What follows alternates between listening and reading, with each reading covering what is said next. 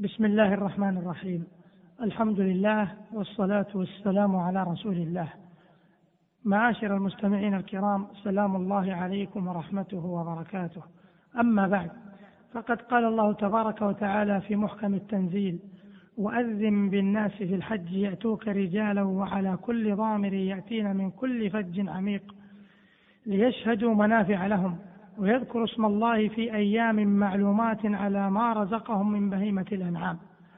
والحديث في هذه الحلقة سيكون حول بعض المنافع التي تشهد في الحج والتي وردت مجملة في قوله تعالى ليشهدوا منافع لهم.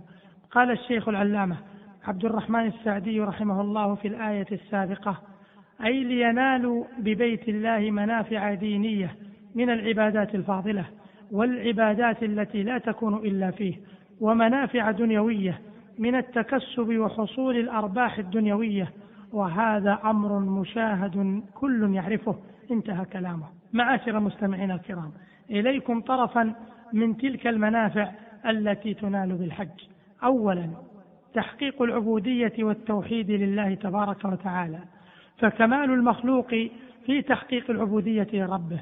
وكلما ازداد العبد تحقيقا لها ازداد كماله وعلت درجته. وفي الحج يتجلى هذا المعنى غاية التجلي. ففي الحج تذلل لله وخضوع وانكسار بين يديه. فالحاج يخرج من ملاذ الدنيا مهاجرا إلى ربه تاركا ماله وأهله ووطنه متجردا من ثيابه لابسا إحرامه حاسرا عن رأسه متواضعا لربه تاركا الطيب والنساء متنقلا بين المشاعر بقلب خاشع وعين دامعة ولسان ذاكر يرجو رحمة ربه ويخشى عذابه. ثم إن شعار الحاج منذ إحرامه إلى حين رمي جمرة العقبة والحلق لبيك اللهم لبيك لبيك لا شريك لك. ومعنى ذلك أنني خاضع لك منقاد لأمرك مستعد لما حملتني من الأمانات طاعة لك واستسلاما دون ما إكراه أو تردد. وهذه التلبية تلهف شعور الحاج وتوحي إليه بأنه منذ فارق أهله مقبل على ربه متجرد عن عاداته ونعيمه منسلخ من مفاخره ومزاياه. ولهذا التواضع والتذلل أعظم المنزلة عند الله عز وجل إذ هو كمال العبد وجماله وهو مقصود العبودية الأعظم. وبسببه تمحى عن العبد آثار الذنوب وظلمتها فيدخل في حياة جديدة ملؤها الخير وحشوها السعادة. وإذا غلبت هذه الحال على الحجاج فملأت عبودية الله قلوبهم وكانت هي المحرك لهم فيما يأتون وما يذرون. صنعوا للإنسانية الأعاجيب وحرروها من الظلم والشقاء والبهيمية. ثانيا من أسرار الحج ومنافعه. التعود على اغتنام الأوقات فالوقت رأس مال الإنسان والوقت من أجل ما ينبغي أن يصان عن الإضاعة والإهمال. وفي الحج يقوم الحاج بأعمال عظيمة وفي أماكن مختلفة متباعدة مزدحمة وفي أيام محددة قد لا تتجاوز أربعة أيام. وفي هذا دليل على أن في الإنسان طاقة هائلة مخزونة لو استثارها لآتت أكلها ضعفين أو أكثر وهذا درس عظيم. يبعث المسلم إلى أن يعتاد اغتنام الأوقات وأن يحرص على أن لا يضيع منها شيئا في غير فائدة. ثالثا ارتباط المسلمين بقبلتهم التي يولون وجوههم شطرها في صلواتهم المفروضة خمس مرات في اليوم. وفي هذا الارتباط سر بديع إذ يصرف وجوههم عن التوجه إلى غرب كافر أو شرق ملحد فتبقى لهم عزتهم وكرامتهم. رابعا من منافع الحج أنه فرصة عظيمة للإقبال على الله بشتى القربات حيث يجتمع في الحج من العبادات ما لا يجتمع في غيره فيشارك الحج غيره من الأوقات بالصلوات وغيرها من العبادات التي تفعل بالحج وغير الحج. وينفرد بالوقوف بعرفة والمبيت بالمزدلفة ورمي الجمار وإراقة الدماء وغير ذلك من أعمال الحج. خامسا الحج وسيلة عظمى لحط السيئات ورفعة الدرجات فالحج يهدم ما كان قبله. قال النبي صلى الله عليه وسلم لعمرو بن العاص رضي الله عنه أما علمت أن الإسلام يهدم ما كان قبله وأن الهجرة تهدم ما كان قبلها وأن الحج يهدم ما كان قبله رواه مسلم. والحج أفضل الأعمال بعد الإيمان والجهاد. فعن أبي هريرة رضي الله عنه قال سئل النبي صلى الله عليه وسلم أي الأعمال أفضل؟ قال إيمان بالله ورسوله. قيل ثم ماذا؟ قال جهاد في سبيل الله. قيل ثم ماذا؟ قال حج مبرور. رواه البخاري. والحج أفضل الجهاد. فعن عائشة رضي الله عنها قالت قلت يا رسول الله نرى الجهاد أفضل الأعمال أفلا نجاهد؟ قال لكن أفضل الجهاد حج مبرور رواه البخاري والحج المبرور جزاؤه الجنة. قال عليه الصلاة والسلام العمرة إلى العمرة كفارة لما بينهما والحج المبرور ليس له جزاء إلا الجنة رواه مسلم.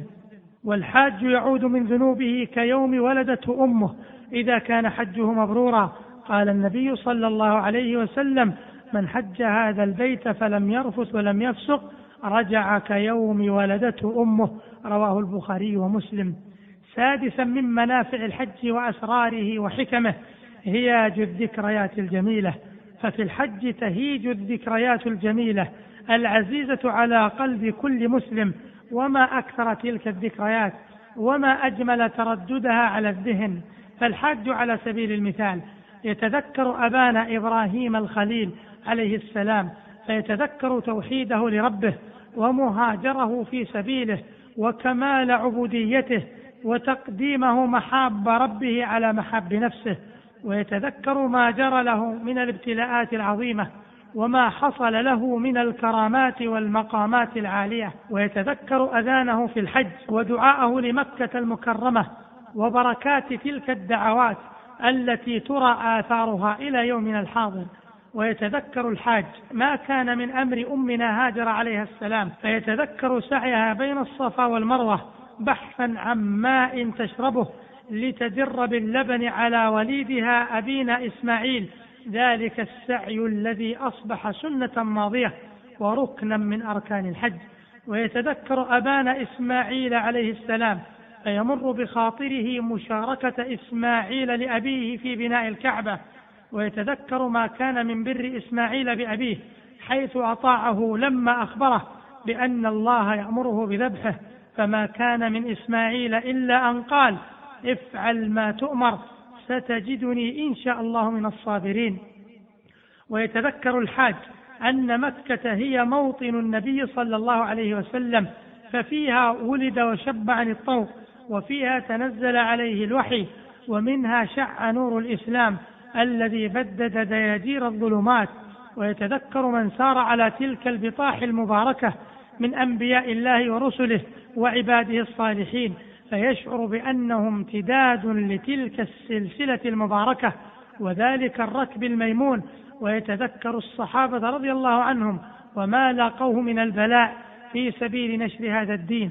ويتذكر أن هذا البيت أول بيت وضع للناس وأنه مبارك وهدى للعالمين بلدة عظمى وفي آثارها أنفع الذكرى لقوم يعقلون. شب في بطحائها خير الورى وشبا في أفقها أسمح دين. فهذه الذكريات الجميلة تربط المؤمن بأكرم رباط وتبعث في نفسه حب أسلافه الكرام والحرص على اتباع آثارهم والسير على منوالهم. ثم إن الحاج إذا عاد من رحلة حجه حمل معه أغلى الذكريات وأعزها على نفسه فتظل نفسه متلهفة للعودة إلى تلك البقاع المباركة. وما أجمل قول من قال في ذكر الحج ومنافعه أيا عذبات البان من أيمن الحمى رأى الله عيشا في رباط قطعناه سرقناه من شرخ الشباب وروقه فلما سرقنا الصفو منه سرقناه وعادت جيوش البين يقدمها القضى فبدد شملا في الحجاز نظمناه ونحن لجيران المحصب جيرة نوفي لهم عهد الوداد ونرعاه فهاتيك أيام الحياة وغيرها ممات فيا ليتن وما شهدناه فيا ليت عنا أغمض البين طرفه ويا ليت وقتا للفراق فقدناه وترجع أيام المحصب من منى ويبدو ثراه للعيون وحصباه وتسرح فيه العيس بين ثمامه وتستنشق الأرواح نشر خزاماه. نحن إلى تلك الربوع تشوقا ففيها لنا عهد وعقد عقدناه ورب برانا ما نسينا عهودكم وما كان من ربع سواكم سلوناه.